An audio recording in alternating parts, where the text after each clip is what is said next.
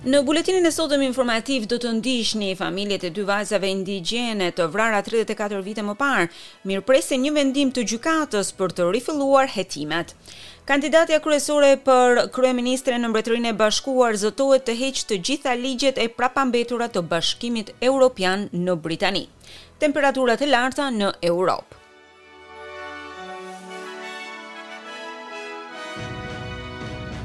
Fillojmë gjerësisht me lajmet. Një vendim i prokurorit të New South Wales për të rifilluar një hetim rreth vdekjes së dy vajzave indigjene është mirëpritur nga familjet e viktimave. Hetimet kanë filluar tridhjetë e katër vite më parë, kur Moina Smith dhe Jacinta Smith, kushërira të moshës pesëmbëdhjetë dhe gjashtëmbëdhjetë vjeçare, u gjetën të vdekura në anë të rrugës pas një aksidenti rrugor në afërsi të qytetit të Bourke. Hetimi u pezullua gjatë gjykimit të një mashkulli joindigjen, i cili nuk është më, por që në atë kohë u akuzua për drejtim të mjetit në gjendje të dehur, gjë që rezultoi në vdekjen e viktimave. Ai u lirua nga një juri e përbërë nga joindigjenë. Pas marrjes së çështjes, avokatët që përfaqësojnë familjet kanë dalë përpara qeverisë me argumentet e duhura që hetimet të rifillojnë. Avokati George Newhouse, drejtor i grupit të Projektit Kombëtar të Drejtësisë, thotë se familjet po kërkojnë zgjidhjen e menjëhershme të çështjes.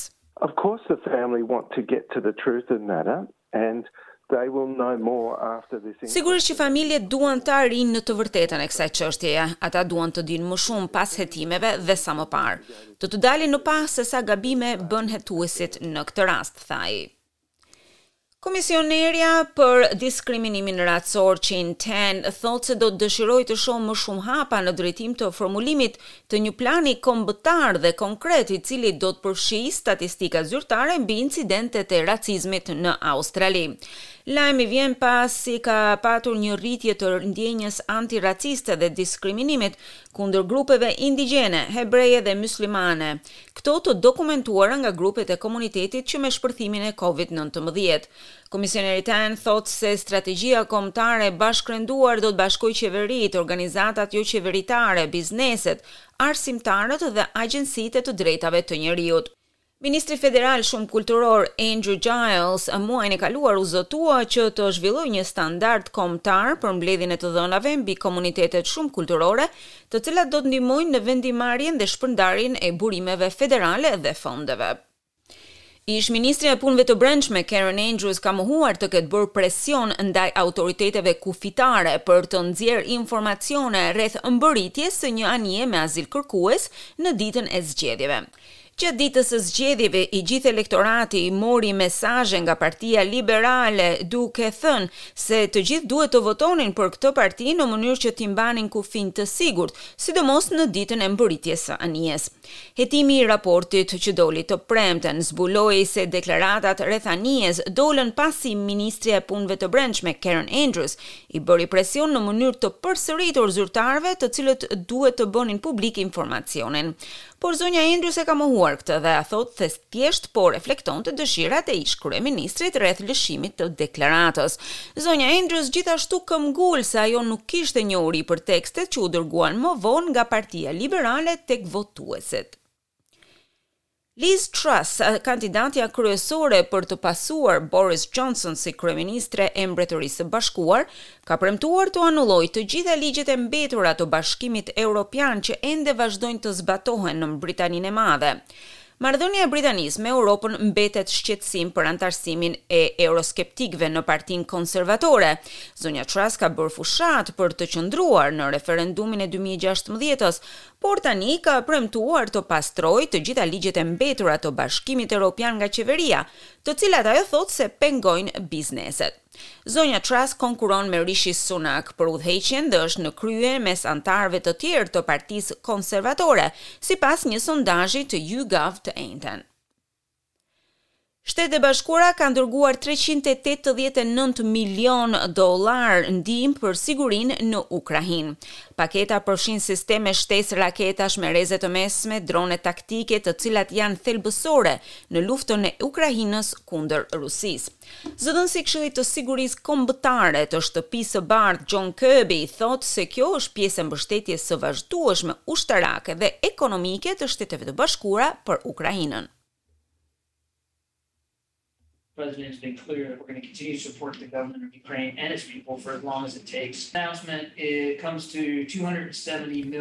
Presidenti e ka bërë të qartë se ne do ta mbështesim Ukrainën dhe popullin e saj për aq kohë sa duhet. Ky njoftim arrin në dyqind e shtatëdhjetë milionë dollarë ndihmë shtesë për sigurinë, për t'u bashkuar me njëqind milionë dollarë për USAI Phoenix Ghost, të cilat më pas do të administrohen së bashku me njëqind e shtatëdhjetë e pesë milionë dollarë të tjerë. Ky kësti i fundit e çon totalin e ndihmës së sigurisë së Shteteve të Bashkuara për Ukrainën nga administrata Biden në njëmbëdhjetë miliardë dollarë. Australia do të bëhet vendi i parë në botë i cili do të hapë një regjistër në të cilin do të regjistrohen personat me çrregullime gjenetike rreth një sëmundjeje e cila shkakton që trupi të thithë nivele të rrezikshme hekuri. Dihet se një në dyqind australianë janë në rrezik të lartë gjenetik për zhvillimin e hemokromatozës, e cila trajtohet me dhurime të rregullta gjaku. Regjistri do të ketë një bazë të dhënash në kërkimin mbi rolin e hekurit për problemet kronike shëndetësore, duke përfshirë këtu sëmundjet e mëlçisë, artritin, diabetin dhe sëmundjet e zemrës. E një grup i ri i studentëve të gjuhëve të huaja janë vendosur si pjesë e rangut të përkthyesve të rinj brenda qeverisë së New South Wales. Qeveria shpreson se më shumë se dyzet të diplomuar të programit të bursave për përkthime do të jenë në gjendje të plotësojnë një boshllëk të rëndësishëm në shërbimet e përkthimit për një sërë gjuhësh kryesore. Të dhënat e fundit të regjistrimit treguan se më shumë se pesë milionë australianë flisnin një gjuhë tjetër përveç anglishtes në shtëpi, një rritje prej tetëqind mijë që nga regjistrimi i fundit. Një nga të sapodiplomuarit, Lidia Çalite Amë flet thai dhe ajo mbërriti në Australi kur ishte katërmbëdhjetë vjeç. Ajo thotë se është tërhequr gjithmonë nga përkthimet si një aftësi e veçantë, pasi e kupton shumë mirë rëndësinë e komunikimeve të duhura. You wouldn't believe it, language is so important because even accessing information, you know, they need to go to a doctor. Është gjuha shumë e rëndësishme sepse është edhe marrja e informacionit. Personat duhet të shkojnë tek mjeku, tek specialisti, ka kaq shumë informacione për të marrë shërbimet qeveritare. E nganjëherë nuk di se ku duhet ta fillosh, nëse nuk i ke mjetet e duhura, nëse nuk di të flasësh anglisht, si të kalosh nëpërmjet sistemit, atëherë është me të vërtetë e vështirë. Për këtë arsye duhen më shumë përkthyes, tha ajo. Sipas Radio Televizionit Shqiptar, ambasadorja e SHBA-së Yuri Kim ka mirëpritur vendimin e Britanisë së Madhe për të mos i mbështetur dhe shpallur non grata politikanët që janë përfshirë në korrupsion në Ballkanin Perëndimor. Kim ka shkruar se askush nuk është mbi ligjin dhe se kush ka shkelur duhet të përballet me drejtësinë.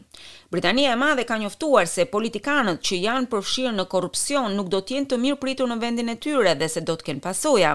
Në këtë mënyrë, Britania e Madhe i bashkohet Shteteve të Bashkuara në lidhje me qëndrimin që do të mbajnë për politikanët që janë përfshirë në korrupsion dhe në minim të demokracisë, thotë RTSH-ja. Në njoftimin e saj, Britania e Madhe shkruante se gjatë kësaj jave janë ndërmarrë sanksione kundër disa individëve shqiptarë të përfshirë në korrupsion, pa përmendur emra. Për më shumë rreth kësaj teme në vazhdim të emisionit.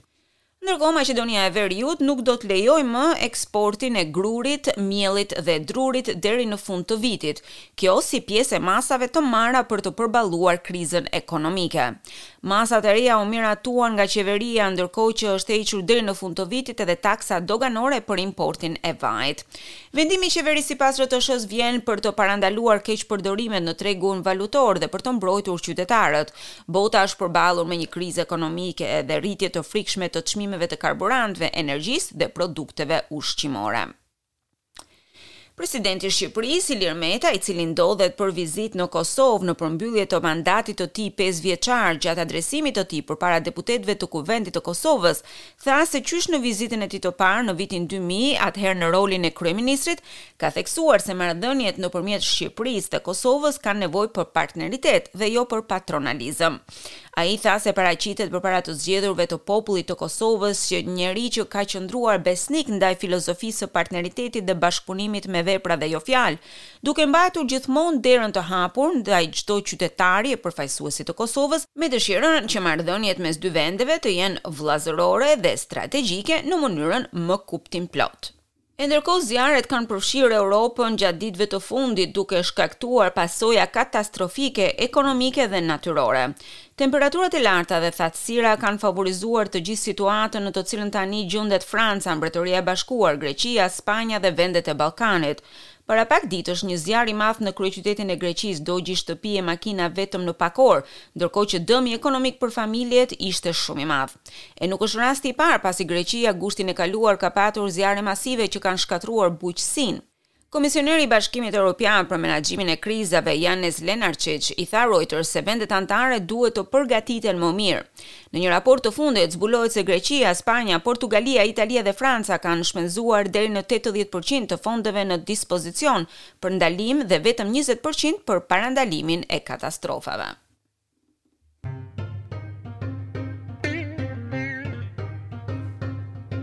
Kalojmë në kursin e këmbimit të valutës australiane. Një dollar australian sot këmbehet me shtatëdhjetë e dy pikë nëntë lekë shqiptarë, zero pikë gjashtëdhjetë e nëntë dollarë amerikanë, zero pikë gjashtëdhjetë e tetë euro dhe dyzet e një pikë shtatë denarë të Maqedonisë së Veriut.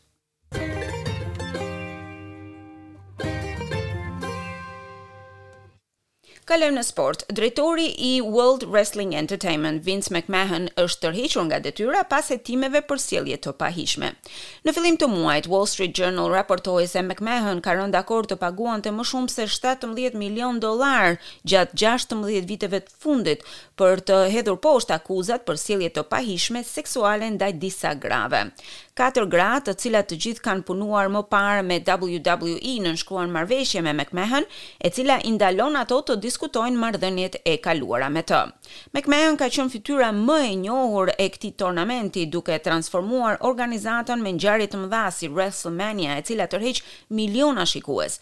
Vajza McMahon, Stephanie, do të shërbejë si kryetare dhe do të bëjë detyrën e drejtorit me Nick Khan, i cili është pjesëtar i kësaj kompanie që në vitin dy mijë e njëzet.